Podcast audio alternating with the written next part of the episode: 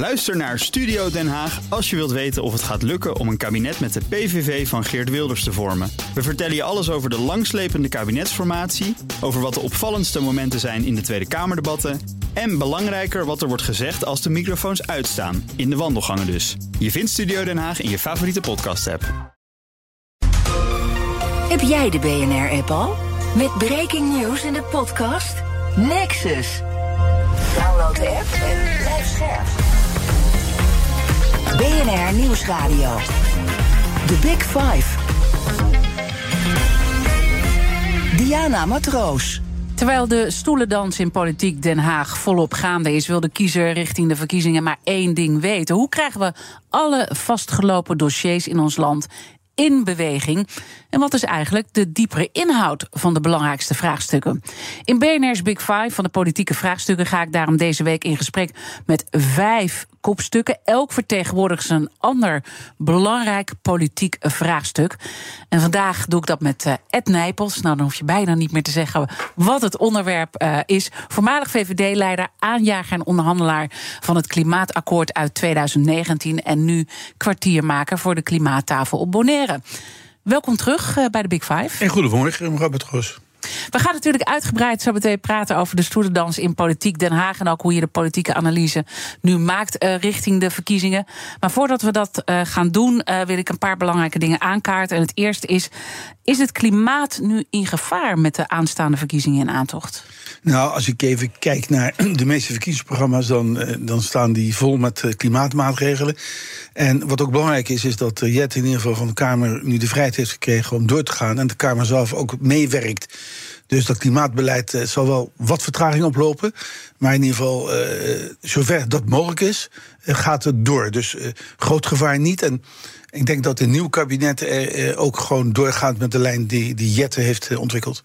En toch valt op dat het thema echt sociale bestaanszekerheid is. Hè. Dat is het thema wat eigenlijk al die partijen met elkaar verbindt. En dat is ook best handig, want dan kan je ze ook beter vergelijken. En klimaat, daar wordt niet echt over gesproken. Nee, maar dat komt ook omdat men het over het klimaatbeleid het afgelopen jaar wel eens is geworden. Zelfs de partijen die in, in het begin uh, een beetje twijfelden of er überhaupt klimaatverandering was, of die uh, meestribbelden. Uh, die uh, zijn eigenlijk nu allemaal zo ongeveer bekeerd. Dat betekent dus dat uh, er nog wel één belangrijk vraagstuk is, namelijk de kosten van het klimaatbeleid. Hè. Kunnen mensen met een laag inkomen kunnen die wel mee met alle maatregelen? Kom je dus, weer bij de sociale bestaanszekerheid uit? Ja, dus, dus dat betreft, ja. Nou, het mooie is overigens wel dat nu opeens gaat het over de bestaanszekerheid. En het kabinet is gevallen over vluchtelingen, in mijn ogen volkomen verkeerd thema om een kabinet op te laten vallen. Dus ik was het daar ook niet mee eens. Het ging over over 1500 vluchtelingen, nareizigers. En dan laat je toch geen kabinet opvallen. Maar goed, dat is gebeurd. En dan zou je denken dat het als vervolgens gaat over vluchtelingen. Maar in de politieke geschiedenis. Apart, hè? Ja, in de politieke geschiedenis zie je heel dikwijls dat als een kabinet valt over onderwerp X, dat het onderwerp vervolgens bij de verkiezingen absoluut geen rol meer speelt. En nu gaat het over de bestaanszekerheid. Terecht ja. natuurlijk. Ja. Met bijna een miljoen mensen uh, die niet rond kunnen komen, met uh, een paar honderdduizend kinderen. Uh, die onder het bestaansminimum opgroeien. Ja, dat wil je als een beschaafd land als Nederland, laat je dat niet gebeuren. Laten we daar zo meteen over verder praten, want er zitten een paar hele interessante haakjes aan. En ook, uh, ja, is dat klimaat dan echt niet in gevaar als ik uh, ook BBB op de website uitgebreid zie zeggen dat er echt een mismatch is met de uitvoering. En de stikstof moeten we natuurlijk ook even over hebben, is weliswaar wat anders, maar toch heeft ook effect op het klimaat. Maar voordat we dat gaan doen. Um, ook altijd mooi om bij de persoonlijke drive uh, van mensen uit te komen. En u bent natuurlijk al zo lang met het klimaat uh, bezig. Klimaatpaus zijn de woorden die worden uh, genoemd. Het gaat ook altijd over dat akkoord, hè, 2019. De aanjager daarvan, de onderhandelaar. Maar 36 jaar geleden was u er al mee bezig. Ja, dat klopt. Ja. Toen ik minister was van VROM, Volkshuisvesting en Koning Milieu.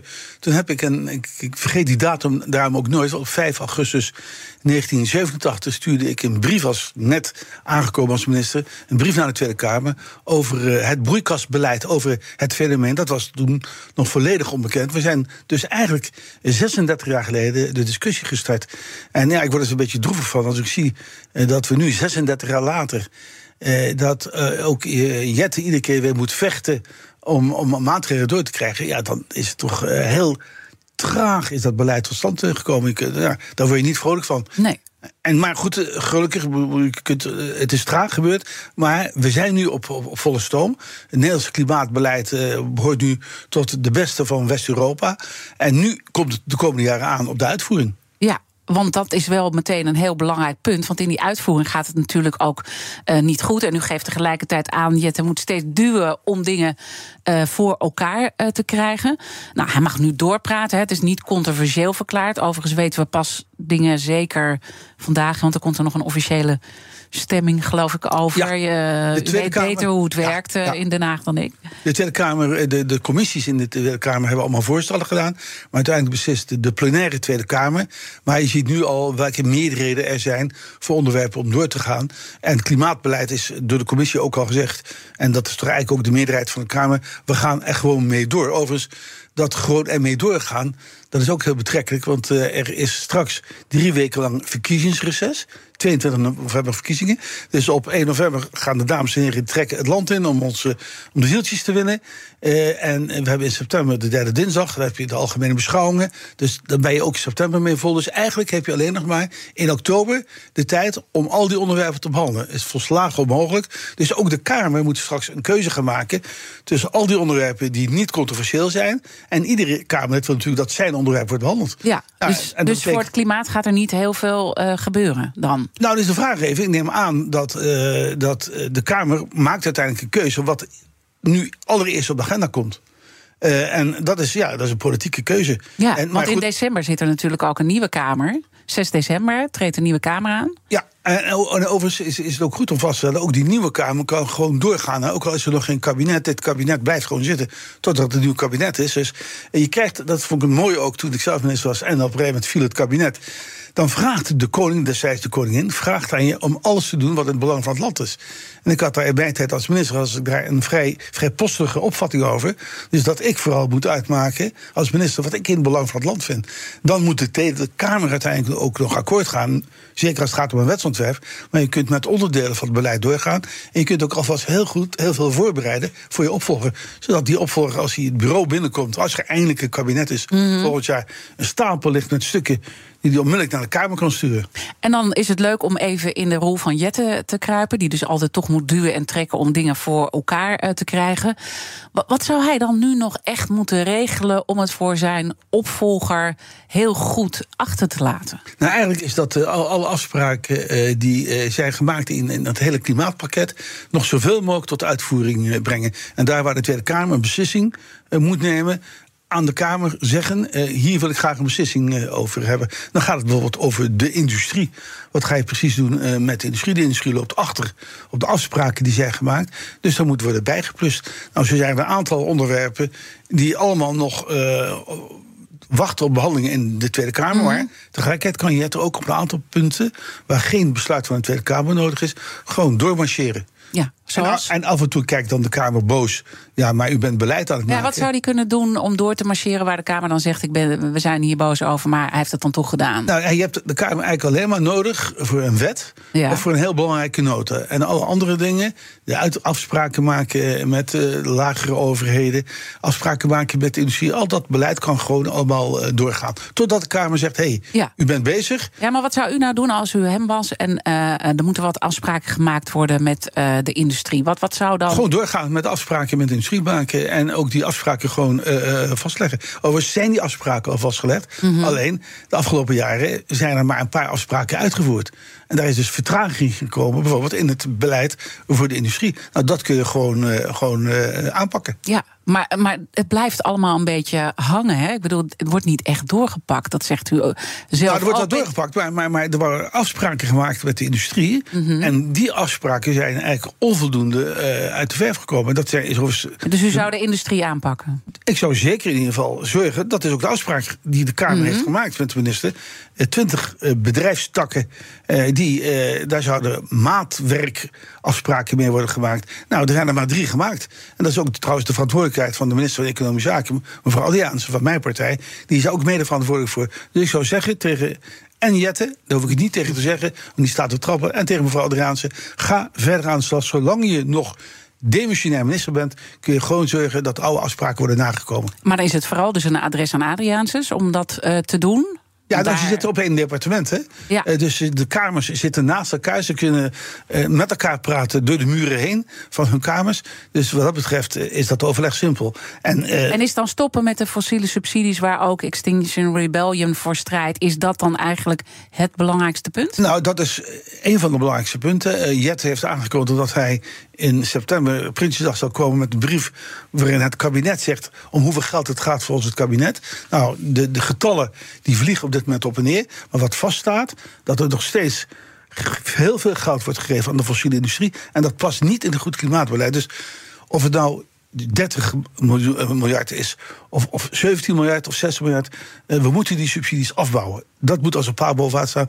Daar mogen we ook geen twijfel over laten bestaan. Want het is natuurlijk heel raar dat je druk bezig bent met het terugdringen van de CO2-uitstoot. En dat je bedrijven die dat doen, dat je die nog geld meegeeft. We zijn toch geen Ja. gek Henkie. Had u dat zelf anders in het klimaatakkoord eh, kunnen regelen? Want dat is ook wel het verwijt geweest van, of eh, uit de analyse van TNO, waar Follow the Money weer een heel verhaal over heeft eh, geschreven, is dat eigenlijk de bedrijven veel te makkelijk zijn weggekomen en dus ook de industrie. Nou, er is tijdens het klimaatakkoord heel hard met de bedrijven onderhandeld. Omdat ja, de uitstoot van de industrie is, is 20 of 30 procent van de totale uitstoot. En dan zijn natuurlijk die maatwerkafspraken uit eh, voortgevloeid. Maar daar is op. Die zijn niet dwingend genoeg. Die zijn, ja, die, die zijn op zich wel dwingend, maar je moet ze wel maken. Maar er zijn er maar drie gemaakt, dus daar moet gewoon gas bij. De Big Five. Diana Matroos. Te gast bij mij vandaag is VVD-prominent Ed Nijpels. Natuurlijk de voormalig leider van de VVD. En eh, we kennen hem vooral van de klimaattafels, ook op Bonaire... waar hij kwartiermaker is op dit moment nog. Ehm, Nederland loopt vast op een groot aantal politieke vraagstukken. En we hebben stikstof nog eventjes uitgesteld. Hè, want je moet altijd zorgen dat je niet die twee te veel door elkaar haalt. Klimaat en stikstof. Terwijl stikstof natuurlijk wel weer impact heeft voor het klimaat. Maar het is echt een eh, apart eh, dossier. Ja, het, het, het loopt vast. Hoe kijkt u daarnaar? Wat is uw analyse daarbij? Nou, mijn analyse is dat het, het kabinet wordt in feite de politiek een beetje gegijzeld eh, door de landbouwwereld. Want eh, het is natuurlijk met stikstof, even los van de schade aan de natuur, die buitengewoon ernstig is, is er ook nog een groot economisch probleem, omdat eh, alle bouwprocessen in het land worden stopgezet. En het kan toch niet zo zijn. En daarom vind ik het ook onbegrijpelijk dat de politiek, delen van de politiek daar nog mee aarzelt. Dat wij, terwijl we weten dat die stikstofuitstoot omlaag moet. En vanwege de natuur, maar ook vanwege de economische noodzaak. Dus eh, maandenlang gesproken over een landbouwakkoord. En op een gegeven moment moet het klaar zijn. Ik heb het bij het klimaatakkoord ook meegemaakt. Daar waren meer dan 300 partijen aan tafel, aan diverse firmen. Op een gegeven moment hebben we gezegd, dames en heren... als u aan tafel wilt zitten, dan is er één ding. U, on- u erkent de ernst van het klimaatprobleem... En twee, u aanvaardt de taak die wij nu hebben gegeven. En wat dit kabinet nu heeft gedaan, die gaan onderhandelen met de landbouwwereld over de doelstelling. Had je nooit moeten doen. Dat moet je zeggen, dit is de doelstelling. En waar wij met u over gaan praten, is over de uitvoering. Hoe gaan we die doelstelling halen? Nou, dat hebben we bij het klimaatakkoord gedaan. Want het kabinet had terecht gezegd. En dat was ook de eis die ik aan alle partijen heb gesteld. U bent voor 49% reductie van CO2. Als u daar niet voor bent, dan is daar het uiteinde van de deur. En vervolgens, punt 2, van die 49% moet u een deel doen. Als u daar niet mee eens bent, kunt u ook de zaal verlaten.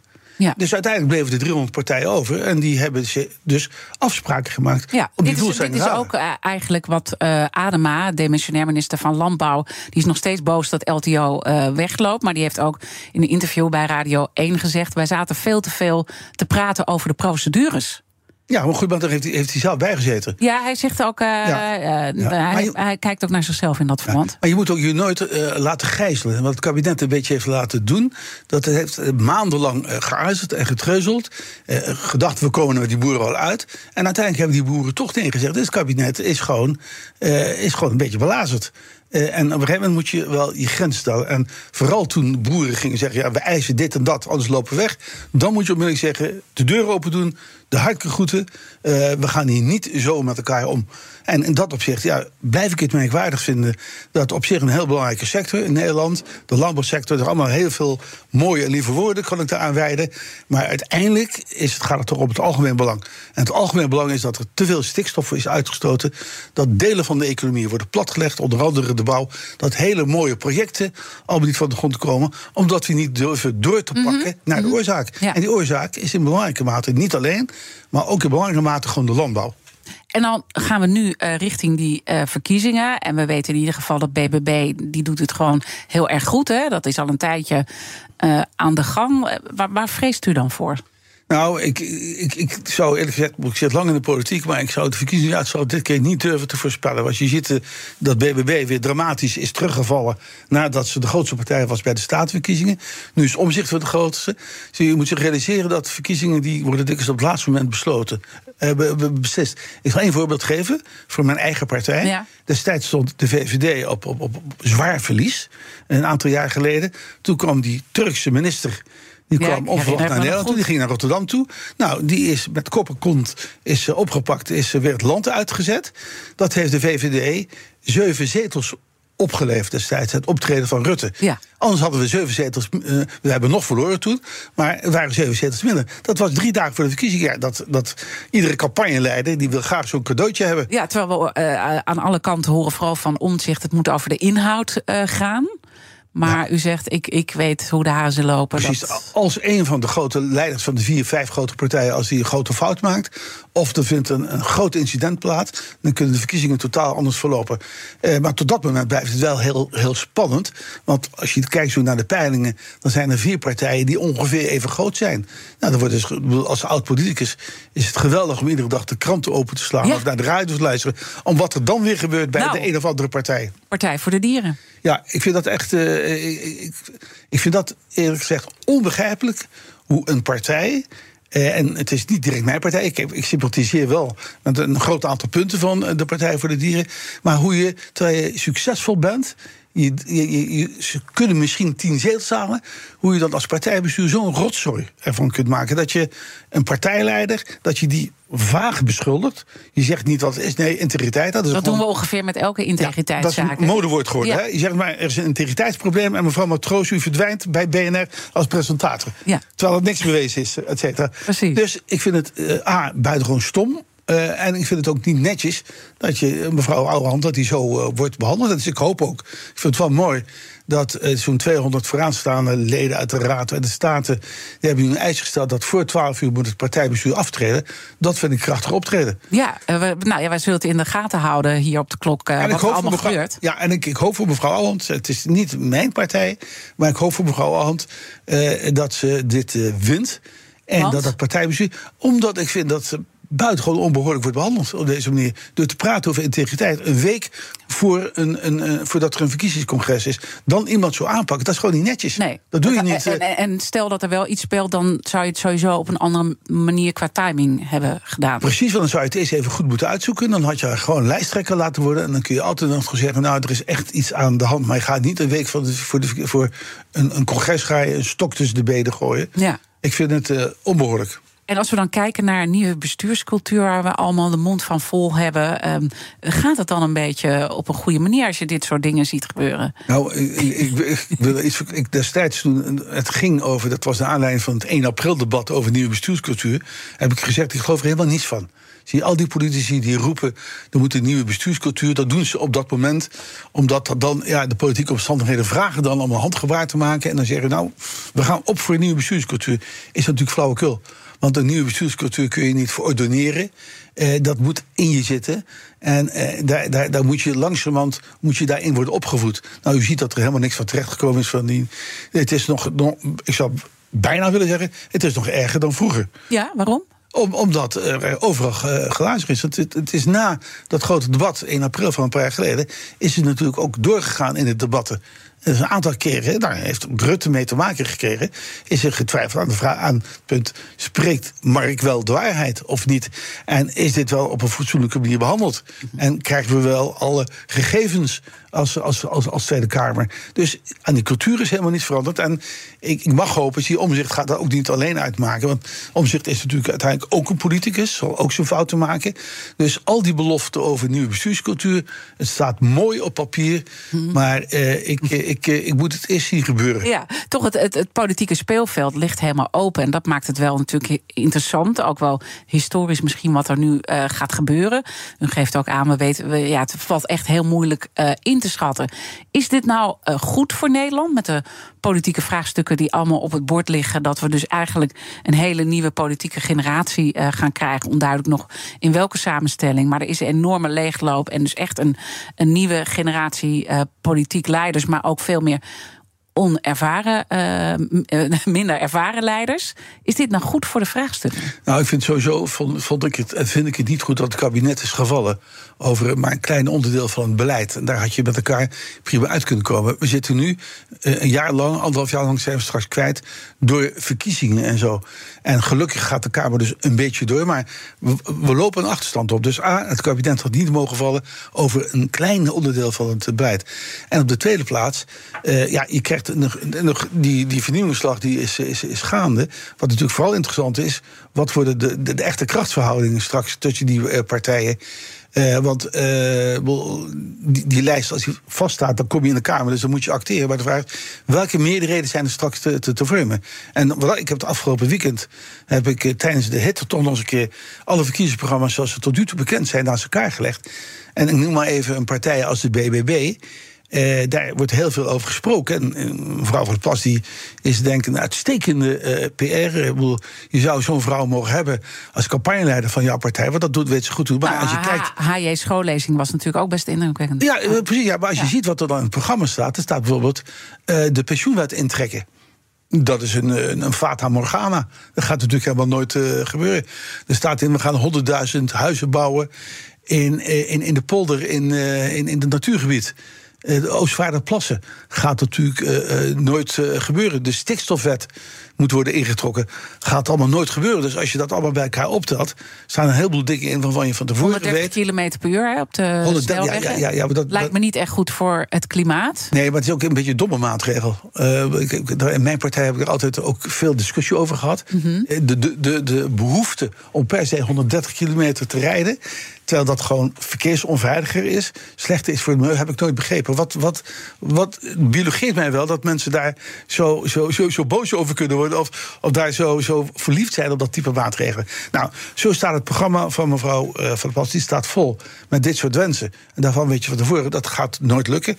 In welke coalitie dan ook gaat dat niet gebeuren. Dus daar de komende maanden zullen alle partijen inclusief mijn eigen partij, die zullen uiteraard worden bevraagd op het realiteitsgehalte uh, van, uh, mm van een verkiezingsprogramma. En de betaalbaarheid, uh, laten we daar dan ook zo meteen over hebben. En dan zeker ook weer het klimaat bij de kop pakken, want dat is natuurlijk ook uw thema. Mijn gast is Ed Nijpels, VVD-prominent. Ja, zo kan ik het ook zeggen. Blijf luisteren. Ook Bas van Werven vind je in de BNR-app. Ja, je kunt live naar mij en Iwan luisteren tijdens de ochtendspits. Je krijgt een melding van Breaking News. En niet alleen onze podcast Ochtendnieuws, maar alle BNR-podcasts vind je in de app. Download nu de gratis BNR-app en blijf scherp. Blijf scherp. BNR Nieuwsradio.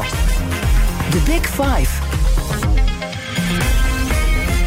Diana Matroos. Welkom bij tweede halfuur. Deze week praat ik met vijf kopstukken uit de politieke arena. En met elke gast ga ik een uur lang de diepte in, ook over een belangrijk politiek vraagstuk. Want iedere gast brengt zijn eigen expertise mee. Later deze week zal ik bijvoorbeeld spreken met Wouter Bos, de voormalig leider van de Partij van de Arbeid, over de zorg.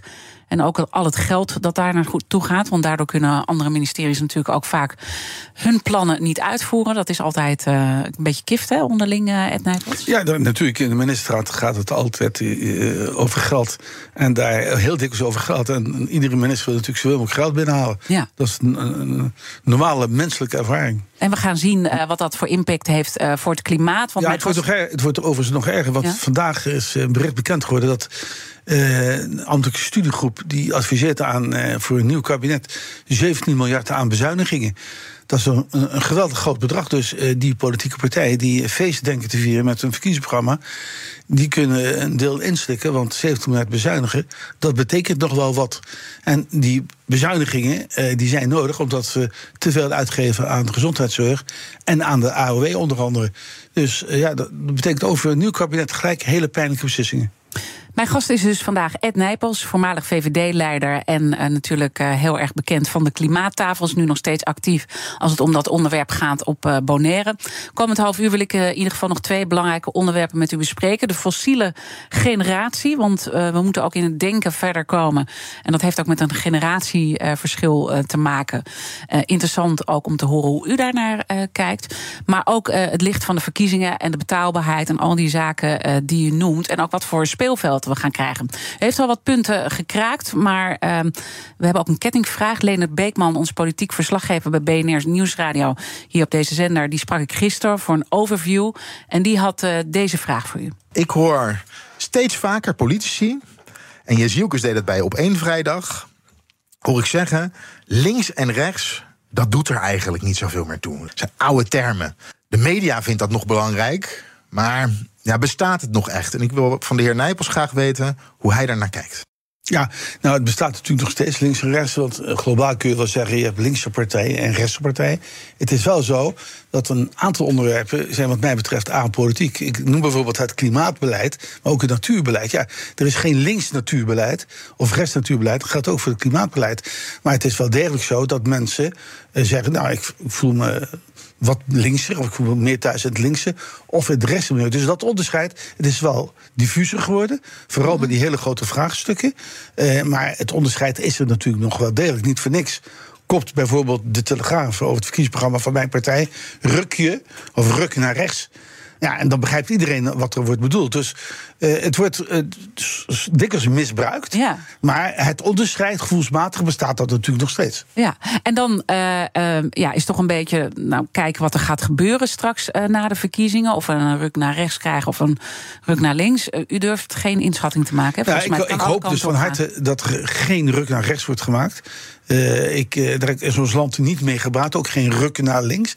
Ik denk dat ook kijkend naar de, de partijen en naar de grootte van de partijen, als dat zo ongeveer blijft, dan zal het toch een kabinet worden, uh, een, een, middenkabinet met allerlei compromissen.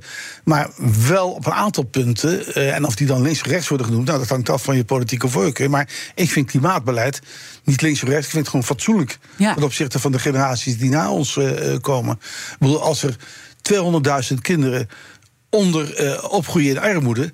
Dan vind ik het een kwestie van fatsoen dat de politiek zo'n vraagstuk regelt. Ja, en dan, eerlijk gezegd, interesseert het mij dan niet links-rechts. Maar zou het daar dan niet over moeten gaan uh, in aanloop naar de verkiezingen? Want uw eigen partij heeft het toch over migratie en veiligheid. Ja. dat zijn de twee thema's. Ja, en, terwijl, en, en, ook een beetje sociale bestaanszekerheid. Die moeten we dan ook even eronder scharen. Ja, ja nou, ik, ik, het gaat natuurlijk, en ik zei u al eerder, dat soms gaan verkiezingen niet meer over de punt waar een kabinet over is gevallen. Maar komt er een nieuw punt. Nou, je ziet nu dat het nieuwe punt er is. Het gaat nu over de bestaanszekerheid. Ja. En alle partijen doen nu hun uiterste best om uit te leggen dat zij bij uitstek de partij zijn die het beste regeltjes ja. kan stellen voor bestaanszekerheid. Maar ik vind het allemaal prima wat de partijen allemaal roepen, wat ze zeggen. Dat wijkt soms af van wat ze de afgelopen jaren hebben gedaan. Maar feit is dat er nu een, een ernstig probleem is als het gaat over het inkomen van bijna een miljoen huishoudens en van 200.000 eh, kinderen onder de 16 of onder de 12 jaar. Nou, dat zal moeten worden aangepakt, linksom of rechtsom. En als dat betekent dat je elders moet bezuinigen, dan zul je dat ook als partij, ja. Eh, als partij moeten doen. Ja.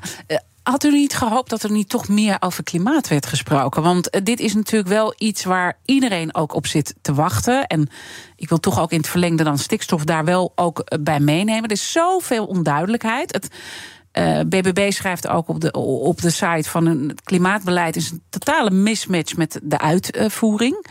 Uh, ja, dat is, onzin, dat is compleet onzin. Waarom? Uh, als je kijkt, het klimaatbeleid is voor, voor een belangrijk deel ook een, een groot succesnummer in Nederland. Ik noem maar heel simpel het voorbeeld van de zonnepanelen. Een paar jaar geleden dacht een toenmalig kabinet dat we in 2022, 2023, dat we zo'n 400.000 huizen zonnepanelen zouden hebben. Dat was een, een hele uh, gedurfde voorspelling. De werkelijkheid is dat er op dit moment meer dan 2 miljoen huizen zijn met zonnepanelen. Wat is er gebeurd? De overheid heeft een faciliteit gecreëerd. Je, je, je, je mhm. kunt die zonnepanelen, je mag je aftrekken, de stroom mag je aftrekken van je rekening, om het heel simpel te zeggen. En de burger is dus wakker geworden en de burger is veel harder gaan lopen dan de overheid ooit had verwacht. Zelfs zo hard gaan lopen dat mensen nu zeggen: ja, je moet die regeling afschaffen. Want de overheid loopt leeg dankzij die regeling. Dus die burgers hebben het heft in eigen handen genomen. Mhm. Fantastisch. Eh, als je kijkt ook naar het bedrijfsleven, delen van het bedrijfsleven zijn ook begonnen met eigen opwekking, et cetera. Zelfs zoveel dat we nu. Het grootste probleem op dit moment is dat we die stroom, dat we die leidingen zijn te krap om die elektriciteit door te voeren. Maar tegelijkertijd hoor ik het bedrijfsleven ook eh, zeggen, ook in de energietransitie, het is totaal onduidelijk waar we uiteindelijk naartoe gaan. En de overheid moet veel meer de regie pakken. Nou ja, de overheid heeft de regie gepakt. Er is, eh, dit, er is een klimaatwet, eh, of was er al. Eh, er is een nieuwe klimaatwet gekomen... waarin de doelstelling van Nederland is aangeschreven. En er is ook in de klimaatplannen van Jet... is ook precies aangegeven welke sector wat precies moet doen. En u heeft gelijk dat in sommige sectoren gaat het te langzaam. Nou, de procedure daarvoor is dat ieder jaar is het Planbureau voor Leefomgeving, PBL, en maakt de berekening of het kabinet het, huiswerk klopt of niet. Als het huiswerk niet klopt, als die doelstellingen niet binnen bereik zijn van dat jaar, dan moet het kabinet extra maatregelen treffen. Tot nu toe heeft dat systeem goed eh, gelopen. Dus er worden wel degelijk goede resultaten bereikt. We zijn kampioen. Eigenlijk eh, als het in Europa gaat, als het gaat om, om, om, zonnecellen. Maar er zijn ook iedere dag weer problemen. Ja. En wat, is het grootste probleem wat u bij de kop zou pakken om te zorgen? Want we weten dat we de doelstellingen uiteindelijk niet redden zoals we het nu hebben geformuleerd. En we zien een BBB die ook kritisch is op die doelstelling. Dus grote vraag hoe dat dan straks eh, gaat aflopen in een mogelijke coalitie. Maar wat, wat, wat zou u er nou doen in Ja, een volgende deze plaats er even reageert op u zegt eh, Ja. dat BBB zegt in het verkiezingsprogramma... het moet van Europa. Dus de BBB kan hoog of laag spinnen. Maar die, die regels in Europa die veranderen niet. Dus je wordt gewoon eraan gehouden. Anders krijg je hoge boetes. De twee Maar grote... wij liepen soms ook een beetje vooruit op Europa. Hè? Dus wij waren een beetje het braafste jongetje van de klas. En Nee, nee, met- nee, wat wij... Ja, met, stikst- wij- met wij- stikstof bijvoorbeeld. we eh, houden- ja, maar de- 2030 in plaats van 2035. Ja, maar even dan de, de problemen nu even uit elkaar. We hadden eens even over het klimaat, wil ik Ja, even afmaken. ja, ja. En het klimaatwet hebben we zelf een wet gemaakt. Waarin staat wat we moeten doen. Dus ja, het, je mag als toch van de overheid minimaal verwachten dat je doet wat je met jezelf hebt afgesproken. Dat is één. Eh, overigens, eh, maar uw vraag was: wat zijn nou de twee grootste problemen Ja. op dit moment voor het klimaat? Dat is het transport van elektriciteit, de leidingen. De leidingen kunnen het niet aan. Terwijl de burger en de bedrijven willen massaal eh, duurzame energie opwekken. Dat is één probleem. En de opslag is ook een groot probleem. Want windmolens draaien ook op het moment dat je die stroom niet nodig hebt. Dus die stroom moet je of naar een ander land kunnen transporteren, wat ook gebeurt. Of je moet hem kunnen opslaan. Dus als ik minister zou zijn, en daar is Jet er trouwens ook mee bezig, dan is het transport van elektriciteit, de leidingen en eh, de opslag. eh, dat zijn de grootste problemen. Want we, kunnen, we gaan eh, massaal nog nieuwe windmolens worden geplaatst op de Noordzee. Waar overigens het BBB ook tegen is. Gaat toch gebeuren. Geef ik op een briefje. En een heleboel eh, inwoners misschien ook. Hè, want het is altijd leuk, eh, windmolens, totdat ze bij jou om de hoek staan. Dan komt dat glazen. Ja, precies. Ja. Maar goed, als het gaat over eh, wat we op het land gaan doen, dat zijn heel veel zonnecellen. Ook op, op, er kunnen- zijn scholen, fabrieken, et cetera. Er kan nog geweldig veel gebeuren. Maar het spul moet worden opgeslagen. En daarom is dat eigenlijk op dit moment een urgent eh, vraagstuk. Dus overigens is het. Het aardige tussen aanhalingstekens ook, is dat de overheid wordt ingehaald door het eigen succes. Want doordat die zonnecellen zo populair zijn, doordat die windmolens er zijn, eh, is er veel meer capaciteit nodig. En dat hadden we overigens al eerder moeten bedenken. Ja. We hebben vaak wat, wat, wat, zegt dat? Wat zegt dat ook over onze huidige premier? Dat dat zo. Ja, dat we zo eigenlijk dus overvallen worden door zo'n succes. Eh, nou, het, op deze plaats mag je ook af en toe even je succes koesteren. Dat is Mhm. overigens niet dankzij de premier, want ik vind van mijn partij, dat blijf ik ook zeggen. Mijn partij heeft de afgelopen jaren, en met name Rutte, heeft te weinig de leiding genomen in dit proces. Ik vind dat de grootste partij van ons land, en dat is de VVD, dat die ook bij belangrijke maatschappelijke vraagstukken dat eh, ook de trekker moet zijn. En dat heeft, eh, jammer genoeg, heeft Mark Rutte dat te weinig gedaan. Hij heeft trouwens ooit gezegd: windmolens draaien alleen maar op subsidie. En dus dat vind ik jammer. De VVD heeft altijd een beetje meegestribbeld. Maar nu in het nieuwe verkiezingsprogramma zie je dat de VVD ook het been heeft bijgetrokken. Want het nieuwe verkiezingsprogramma ziet er als het gaat over klimaat best goed uit. Ik vind het wel overigens jammer dat het pas op bladzijde 58 begint. Ja, ik word- ik word zo Eh, prominent is het niet. Het is het grootste probleem. in- Nee, maar inhoudelijk is het wel goed. Nu, Ja, stukken ja. beter dan vroeger. Maar ja, het is het grootste probleem. Je ziet dat alle partijen zetten het ook bijna vooraan het verkiezingsprogramma. Nee hoor, de VVD die zet het weer eh, ergens achteraan. Dus dat vind ik niet verstandig. En het is ook niet nodig. Waarom, waarom denk je dat, dat fascineert mij. Dus waarom denk je dat een VVD niet ook graag stevige maatregelen wil voor het klimaat? En dat blijkt ook dat ook VVD's die denken Ja. na over hun generatie. Is de VVD dan toch het contact met de achterban verloren? Ja, op dit punt vind ik dat, als het gaat over het klimaatbeleid, vind ik dat de VVD eh, eh, te weinig eraan heeft getrokken. Ik heb te maken gehad overigens met twee VVD-ministers. eh, die dat uitstekend deden. Kamp en Wiebes hebben heel veel gedaan voor het klimaatbeleid. Maar die werden niet echt gestimuleerd door hun partij. Het was altijd een, potje meestribbelen. Ook Liesbeth Staats vind je in de BNR-app. Ja, heel handig. Luister live naar Kees en mij tijdens de Daily Move. Dan blijf je ook gelijk op de hoogte van breaking news en het laatste zakelijke nieuws. En daar vind je ook alle BNR-podcasts, waaronder de Perestrooikast. Download nu de gratis BNR-app en blijf scherp. BNR Nieuwsradio. The Big Five. Diana Matroos. Je luistert naar BNR's Big Five van de politieke vraagstukken. Later deze week praat ik nog met Jeroen Dijsselbloem. Oud PvdA-Kamerlid en voormalig minister van Financiën. En met hem ga ik ook vooral over die betaalbaarheid eh, spreken. Dat viel ook al eventjes met mijn gast vandaag, Ed Nijpels, voormalig VVD-leider en kwartiermaker voor de klimaattafel op Bonaire. Kettingvraag heeft u net eh, beantwoord eh, van de vorige gast, Leonard Beekman. Maar die vraag gaat eh, natuurlijk door naar de volgende gast. Morgen praat ik met Kim Putters. Intussen voorzitter alweer een tijdje van de Sociaal-Economische Raad. De SER, wat zou u hem willen vragen? Ja, ik ben zelf gewoon lid van de SER. Dus Kim Putters is ook mijn voorzitter. Is een uitstekende voorzitter die Ja. heel veel vernieuwing heeft gebracht. Maar toch een scherpe vraag, hoop ik. En scherpe vragen. Aan Kim zou ik willen vragen. Kim, welke drie punten moeten wat jou betreft absoluut in een nieuw regeerakkoord komen? Die ga ik zeker aan hem vragen. Wat, om meteen de bal terug te kaatsen, wat zouden de drie punten zijn die u zou willen aanbrengen? Eh, nou, ik denk in ieder geval over de bestaanszekerheid. eh, dat dat een, een, een belangrijk punt is wat zou moeten worden eh, geregeld.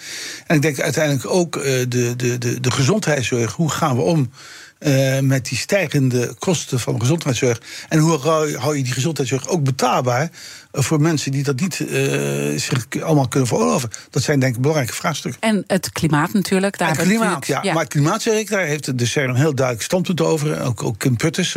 Bedoel, als we uitvoeren wat afgelopen maanden, jaren door eh, Jetten op tafel is gelegd, dan trekken we ons been volledig bij. Dus daar heb ik eerlijk gezegd heb ik daar wel veel vertrouwen in. Daar Mhm. is niet veel druk meer voor nodig.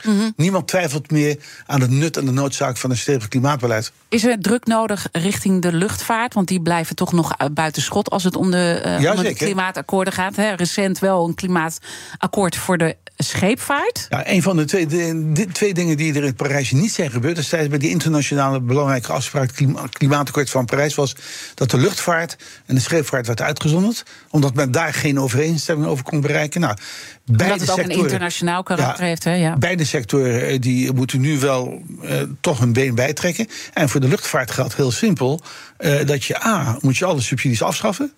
En twee, je moet alle kosten die luchtvaart veroorzaakt doorberekenen. Ik vind het overigens heel dapper van Mark Harbers. Is eigenlijk de eerste luchtvaartminister die op een gegeven moment nu grenzen heeft gesteld aan de groei van Schiphol. En dat is helemaal bijzonder, omdat Mark van mijn partij is. En die waren nooit zo happig op allerlei maatregelen. Hij heeft toch de knoop doorgehakt. En dat is ook logisch en dat is ook fatsoenlijk. Ik bedoel, als iets overlast veroorzaakt, jarenlang. En dan moet je ook bereid zijn om op een gegeven moment daar een einde aan te maken. Nou, dat heeft Harbers gedaan, dus daarvoor verdient hij alleen maar complimenten. En dan zie je dus ook dat het soms aan individuen ligt om toch die sturing eh, te krijgen. En dat er toch nog een hele generatie is die het misschien moeilijk vindt, die wel zeggen we moeten dit doen, maar moeilijk vindt om echt in de uitvoering dat ook eh, nou ja, pijn te laten doen eh, voor bepaalde sectoren. Zegt dat toch iets over een fossiele generatie? We zijn allemaal toch op een bepaalde manier eh, opgegroeid met bepaalde denkbeelden en ook een bepaalde economische win die we als een soort drijver in onze gedachten hebben. Ja, natuurlijk. Wij zijn inderdaad eh, producten van de, fossiele, van de fossiele wereld. En daarom is het natuurlijk heel goed voor, voor al die ouders, maar ook vooral voor al die grootouders. Om, eh, om s'avonds eens wat voor te lezen voor de kleinkinderen. En vooral als wat ouders zijn, en daar is met kleinkinderen over te praten. Over hoe zij op tienjarige leeftijd, hoe zij over sommige onderwerpen eh, denken. Je, je bent verbaasd en soms ook verbijsterd over hoe wijs die kinderen al eh, zijn. En hoe ze opa en oma of pa en ma wijzen op hele onverantwoordelijke dingen die ze doen. En, en, en, dan ook, denk ik, te praten over hoe lang veranderingen duren. En dat is misschien ook wel logisch. Maar dan kom ik toch een beetje terug op het begin uh, van ons gesprek. 36 jaar geleden, toen u uiteindelijk al uh, met het klimaat uh, kwam hè, ter tafel. Niemand had het daar eigenlijk nog over. En uiteindelijk kwam er ook een conferentie in Noordwijk. En dat, dat liep toen uiteindelijk toch, was een internationale conferentie, was heel erg bijzonder. En hij is toen toch niet uitgehaald wat erin zat. En dat kwam ook door de Amerikanen. Ja, het was voor het eerst dat, dat we op ministersniveau uh, bij elkaar kwamen. Twee landen. Ik heb die klimaatconferentie samen met een paar collega's georganiseerd in Nederland. We hebben toen een pakket met voorstellen gemaakt. Die voorstellen werden toen tegengehouden door een conservatief blok, bestond uit Amerika, Canada, India, Rusland, nog een paar landen. Als we die maatregelen die wij toen voorstelden, we praten dus over november 1989, als die toen waren aangenomen, onze oorspronkelijke voorstellen, dan was het probleem nu 50% minder geweest. En dat verzin ik niet zelf.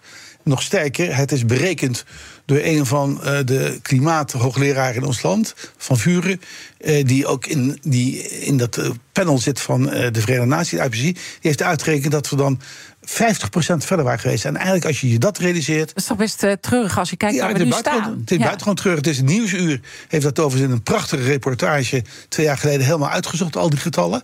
En uh, ik heb dat ook laten verifiëren, want ja, ik was ook verbaasd. Uh, die berekening kan ik zelf mm -hmm. niet maken. Maar het, het is zo. Dus als we dat toen hadden gedaan, in 1989, in november, dan waren we nu 50% ja. geweest. En zo heb ik eerder uh, ook met uh, voormalig minister van Vrom, Jacqueline Kramer, gesproken, die ook al met een stikstofrapport al in de hand. Hè, dat had toen ook al lang uitgevoerd kunnen worden. Dus ook aan alle kanten is dat tegengewerkt. dat zien we nu nog steeds. Ja, maar stikstof is zelfs erg. Want notabene van mijn partij heeft uh, de, de vorige minister van Verkeer en Waterstaat.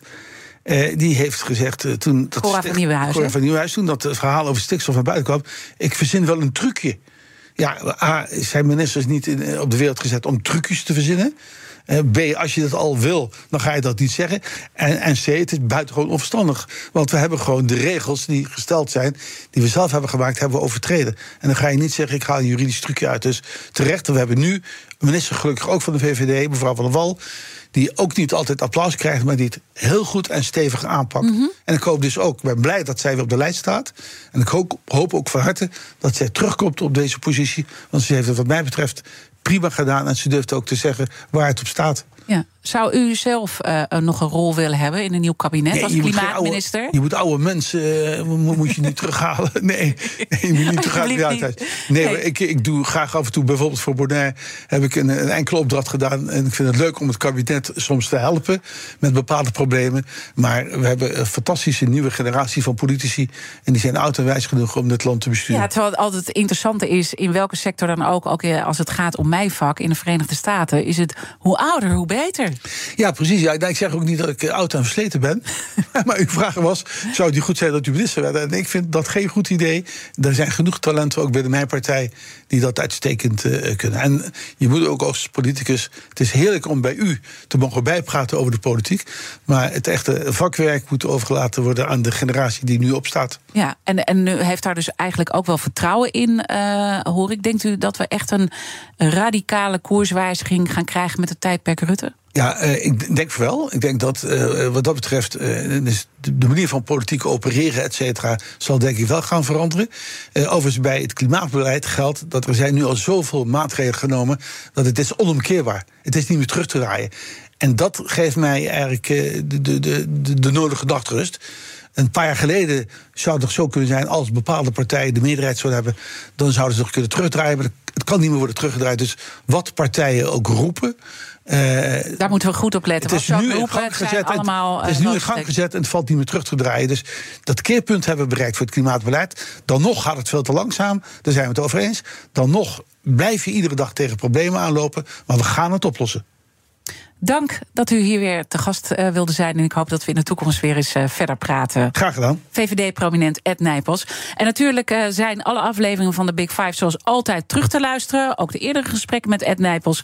Ga gewoon naar je favoriete podcast-app en dan vind je het programma terug. Maar het allerbelangrijkste is, we hebben net gehoord van Thomas van Zel... wat voor uh, mooie, bomvolle uitzending hij heeft. Luister zo meteen naar BNR Zaken doen. Ik wens je een mooie dag. Ook Harm Edens vind je in de BNR-app. Je kunt BNR Duurzaam niet alleen live luisteren in de app, maar ook terugluisteren als podcast, zoals al onze podcasts. En naast dat de BNR-app Breaking News meldt, houden we je ook op de hoogte van het laatste zakelijke nieuws. Download nu de gratis BNR-app en blijf scherp.